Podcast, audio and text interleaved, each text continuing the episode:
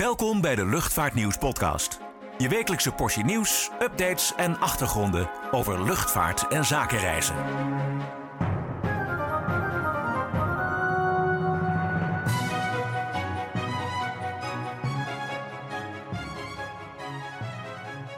Hallo en welkom bij weer een nieuwe Luchtvaartnieuws podcast. Nummer 27 alweer en ook op deze warme dag bespreken we weer de belangrijkste nieuwsfeiten van de afgelopen week.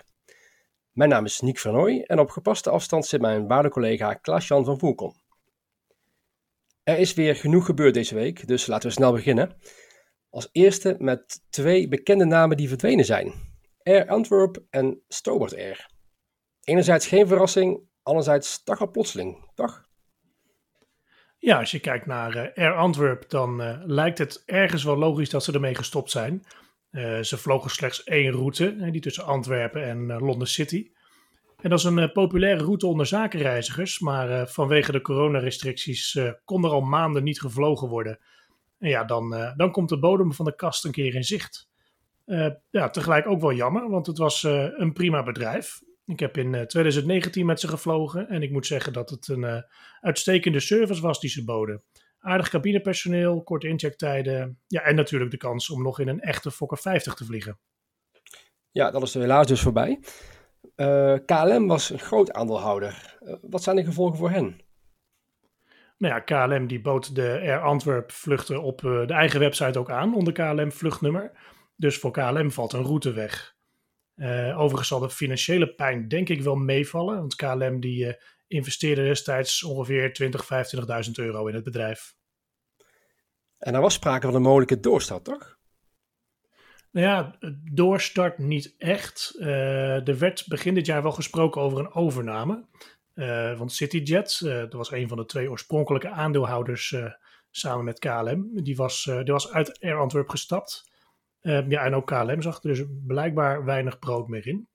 Uh, er is uh, met verschillende partijen gesproken over een overname, waaronder uh, de eigenaar van reisbedrijf Hillman Travel, eh, dat onlangs nog 50 reisbureaus van het Vierte D-reizen overnam trouwens. Maar goed, tot een, tot een akkoord is het, is het niet gekomen over de overname van Air Antwerp.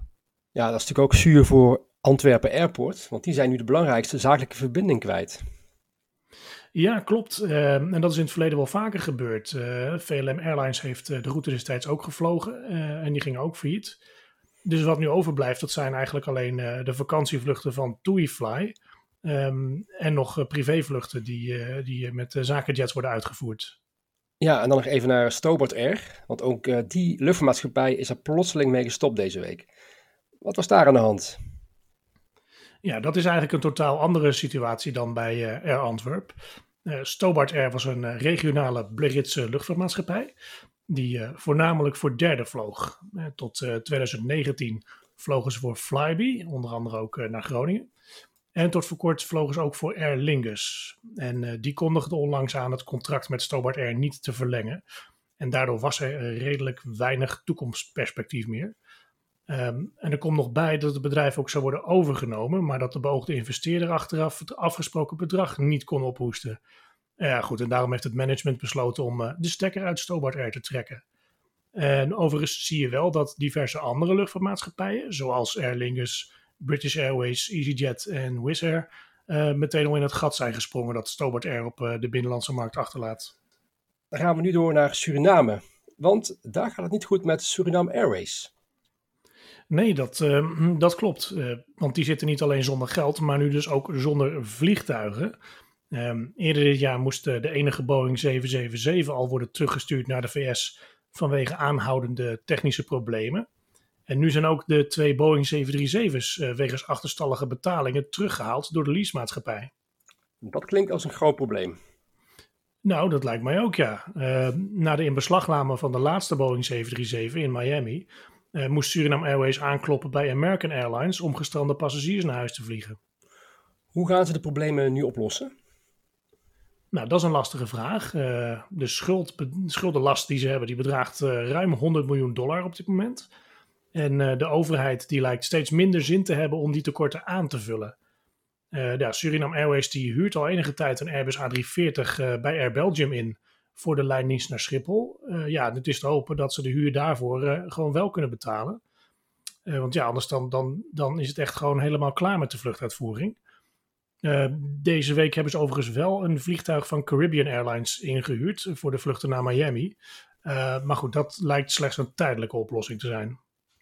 Ja, en er zit sinds kort een Nederlandse CEO bij Suriname Airways, toch? Ja, klopt. Dat is uh, Paul de Haan. En die, uh, ja, die treedt uh, redelijk weinig naar buiten. we hebben even contact met hem gezocht, maar ja, hij kan en mag eigenlijk niks zeggen over de situatie. Ja, en nu is Suriname vanwege corona op slot. Maar wat zijn doorgaans de alternatieven voor reizigers tussen Suriname en Nederland? Ja, eigenlijk met, met KLM of TUI vliegen, hè, als ze rechtstreeks willen vliegen. Goed, uh, daarover beklagen mensen zich soms, uh, aangezien die uh, ja, wel duurder zijn dan Suriname Airways. Ja, aan de andere kant, ze vliegen wel. Ja, een andere optie is trouwens American Airlines, want die start in juli een nieuwe lijndienst van Miami naar Paramaribo. We houden het in de gaten. Door naar positieve nieuws. Canada wordt komende zomer nog beter bereikbaar vanaf Schiphol. Vertel, wat gaat er gebeuren? Nou, we konden al met KLM en Air Canada de oceaan over, of, of overstappen in de VS. Uh, eh, maar in de zomerdienstregeling keert uh, Air Transat terug. En daarnaast start WestJet uh, vluchten naar Schiphol. Ja, Air Transat kennen we. Die vliegen altijd in de zomer naar Schiphol. Maar WestJet is dus nieuw. Ja, klopt. de Canadese luchtvaartmaatschappij die groeit de laatste jaren flink. Oorspronkelijk boden ze alleen goedkope vluchten aan binnen Canada, maar daarna gingen ze ook verre vluchten doen richting het Caribisch gebied en Europa. En wat kunnen we verwachten? Nou, ze gaan vanaf augustus drie keer per week vliegen tussen Calgary en Schiphol met een Boeing 787 Dreamliner. Uh, die heeft aan boord plaats voor 320 passagiers, verdeeld over economy, premium economy en business class. Zo, dat betekent uh, extra concurrentie voor KLM dus. Nou ja, uh, ik heb het even nagekeken. Ze zitten wel uh, onder de ticketprijzen van KLM. Maar het hangt er dan echt helemaal vanaf wanneer je boekt uh, en wanneer je wil vliegen en, en hoe, je, hoe je wil reizen. Um, ongeveer, een retourtje kost ongeveer 550 euro als je vliegt met WestJet in, in economy.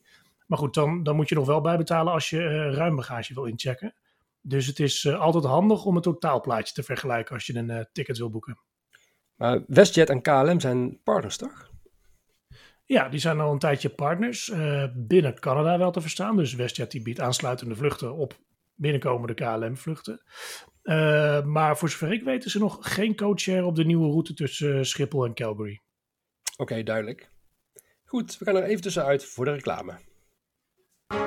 Word nu abonnee en ontvang 12 keer per jaar het Luchtvaartnieuws magazine en onbeperkt toegang tot nieuws en achtergronden op luchtvaartnieuws.nl en zakenreisnieuws.nl. Ga voor meer informatie naar luchtvaartnieuws.nl/slash abonneren. Welkom terug. We gaan door met Airbus, want er lijkt daadwerkelijk een vrachtversie te komen van de Airbus A350. Uh, wat weet jij daarvan? Nou, ze hebben mijn uh, mening er niet over gevraagd, maar wel die van een aantal klanten. Uh, deze week was er een grote persbijeenkomst waar Airbus vertelde over de laatste ontwikkelingen en uh, wij waren er uiteraard bij. Uh, nou, zoals gebruikelijk was het eerst een uh, goed nieuwsshow waarbij werd gemeld hoe lekker de A220 verkoopt en hoe goed de A320-serie is ten opzichte van de Boeing 737 en welke toekomst Airbus dus ziet voor de A350. Uh, overigens doet Boeing dat ook heel erg graag, zichzelf uh, schouderklopjes uh, geven en de concurrentie afkraken. Maar um, goed, over de A350 dus. Airbus heeft op dit moment ja, relatief weinig in de melk te brokkelen als het om nieuwe vrachtvliegtuigen gaat. Bij Boeing kun je terecht voor de Boeing 747 of de 767 of de 777 zelfs, in, als je die vrachtuitvoering wil hebben. Maar Airbus heeft alleen de A330 in de aanbieding. En die ver verkoopt trouwens behoorlijk slecht. Dus ze kijken nu naar de optie om een vrachtvariant van de A350-900 te ontwikkelen. Is dat veel werk? Nou, technisch gezien niet, volgens Airbus. Uh, bij de A330 was het destijds nodig om uh, een extra bult uh, onder de cockpit te maken om het neuswiel in te zetten. Omdat de A330 van nature wat voorover helpt als hij op de grond staat. maar bij de A350 lijkt het een kwestie van een grote laaddeur aanbrengen en de vloer versterken. Uh, naast natuurlijk uh, bepaalde systemen om de vracht naar binnen te rollen, et cetera. Maar dat zijn de belangrijkste aanpassingen die moeten worden gedaan. Nee, waarom hebben ze die überhaupt niet meteen op de markt gebracht toen het A350-programma werd gelanceerd? Nou, ik denk dat ze geleerd hebben van het A380-fiasco. Daarvan zou ook meteen een vrachtversie komen, die overigens ook besteld was door UPS en FedEx. maar dat ging uiteindelijk niet door. Nou goed, dat is dan wel zonde van het geld als je kosten hebt gemaakt voor een ontwikkeling daarvan. Uh, daarnaast zijn er ook best wel veel tweedehands passagiersvliegtuigen op de markt uh, op dit moment, die omgebouwd worden tot vrachtvliegtuig, uh, zoals de Airbus A330. Maar dan is die A350 Freighter toch helemaal niet nodig? Um, ja, dat is een goed punt. en daarom wil Airbus ook eerst de business case goed op orde hebben. de A350F zou overigens wel een stuk groter en zuiniger zijn dan de A330F. En het type heeft zich volgens Airbus goed bewezen als passagiersvliegtuig. Maar het is inderdaad de vraag of er markt voor is. Aan de andere kant wil Airbus natuurlijk ook Boeing niet met de buiten aan de haal laten gaan. Dus ze moeten wel iets tegenover de Boeing 777 kunnen zetten. Ja, wanneer valt er een besluit over de ontwikkeling van de A350F? Nou, dat zou uh, eind dit jaar het geval kunnen zijn. Over Boeing gesproken. TUI zou toch deze week haar vierde MAX krijgen? Ja, klopt. Uh, het toestel is uh, woensdagavond kort na vertrek vanuit Seattle teruggekeerd met een technisch probleem. Daardoor liep de bemanning ook uit de uren. Dus het is even afwachten wanneer het toestel naar Schiphol komt. Dat zou eigenlijk vandaag zijn, maar naar verluid wordt het nu zondag. Even kijken. Hebben we nog iets over KLM te melden? Ja, de KLM Open. Die gaat niet door dit jaar. Tenminste, niet onder die naam. Ja, inderdaad. Dat, uh, we wisten het al een tijdje, maar het golftoernooi is nu officieel niet meer het KLM Open, of de KLM Open, net hoe je het uh, wil zien. Um, ehm, KLM blijft wel betrokken, maar gezien de huidige financiële situatie is het uh, niet echt logisch om hoofdsponsor te blijven van het golftoernooi. Ja, dat is wel jammer, want het was een goed evenement om te netwerken. Ja, zeker. KLM die deelde jaarlijks zo'n 6000 kaartjes uit aan relaties. Maar ze zullen ongetwijfeld ook voor uh, de Dutch Open, zoals het toernooi vanaf nu weer heet, weer mensen gaan uitnodigen. Ik vond het in elk geval altijd gezellig, dus uh, ik hou me bij deze zeer sterk aanbevolen. Ja, ik ook. En over duizenden mensen gesproken. We hadden deze week een bericht dat opvallend veel gelezen werd op luchtvaartnieuws.nl. Nou, zeg dat wel. Ik bedoel, we zijn op zich nog wat gewend qua bezoekersaantallen, maar ja, soms springen er berichten tussenuit waarvan je denkt, waarom wordt dat nou zo vaak gelezen? En welk artikel was dat? Nou, dat ging over een run op tickets uh, naar Marokko. En het feit dat Royal Air Maroc de prijzen op verzoek van de Marokkaanse koning had verlaagd. Uh, Marokko die heeft recent het reisbeleid versoepeld. Uh, dus veel Nederlanders met Marokkaanse roots die wilden meteen een ticket boeken. Maar daardoor schoten de ticketprijzen echt omhoog. Dus ja, er moest wel worden ingegrepen. Oké, niet echt heel spannend toch? Nee, maar het bericht kwam onder de aandacht van Geert Wilders. En die zei op Twitter, ik citeer... Een enkele reis is nog goedkoper. Nou goed, op zich niet, niet vreemd dat hij dat zegt, gezien zijn gangbare retoriek. en overigens gaat die vlieger niet altijd op, want soms is een enkeltje juist duurder dan een retourtje. Maar goed, in ieder geval waren honderden volgers het roerend met hem eens. nou goed, aan de andere kant, kliks zijn kliks, dus ja, je hoort ons er verder niet over. Ja, maar voor Wilders een makkelijke manier om te scoren in ieder geval. En dan nog een opvallend nieuwtje over United Airlines. Die voeren een nieuw gender- en diversiteitsvriendelijker personeelsbeleid in. Dat betekent dat ook geuniformeerd uh, personeel die in direct contact staan met klanten en passagiers, kleine tatoeages, neuspiercings en kleurrijke nagellak kunnen tonen. Ja, klopt. Per, eh, per 1 september mogen Bali-medewerkers en cabinepersoneel hun eigen haar, make-up en nageldracht bepalen. En ook neuspiercings en tatoeages tonen. En uh, later dit jaar zullen die regels ook gaan gelden voor piloten en platformpersoneel. En waarom doet United dit? Nou, United Airlines is uh, een van die bedrijven die uh, diversiteit goed als PR-middel weet in te zetten.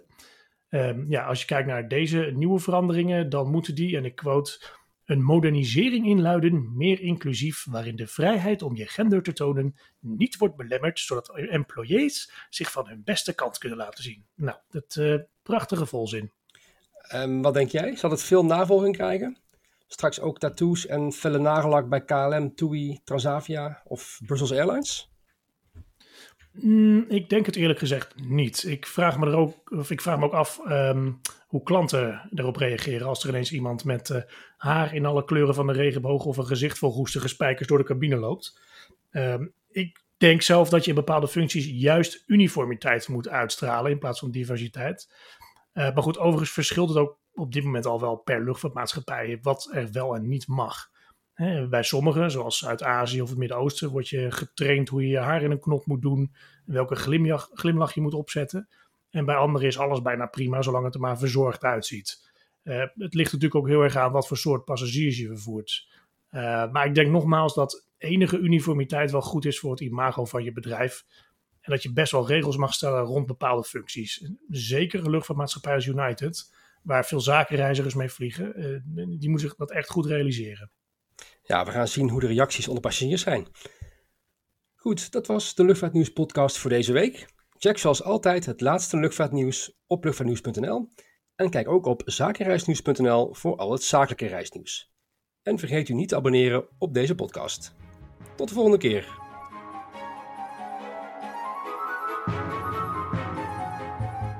Bedankt voor het luisteren naar de Luchtvaartnieuws podcast. Voor opmerkingen, vragen of suggesties, mail ons redactie@luchtvaartnieuws.nl.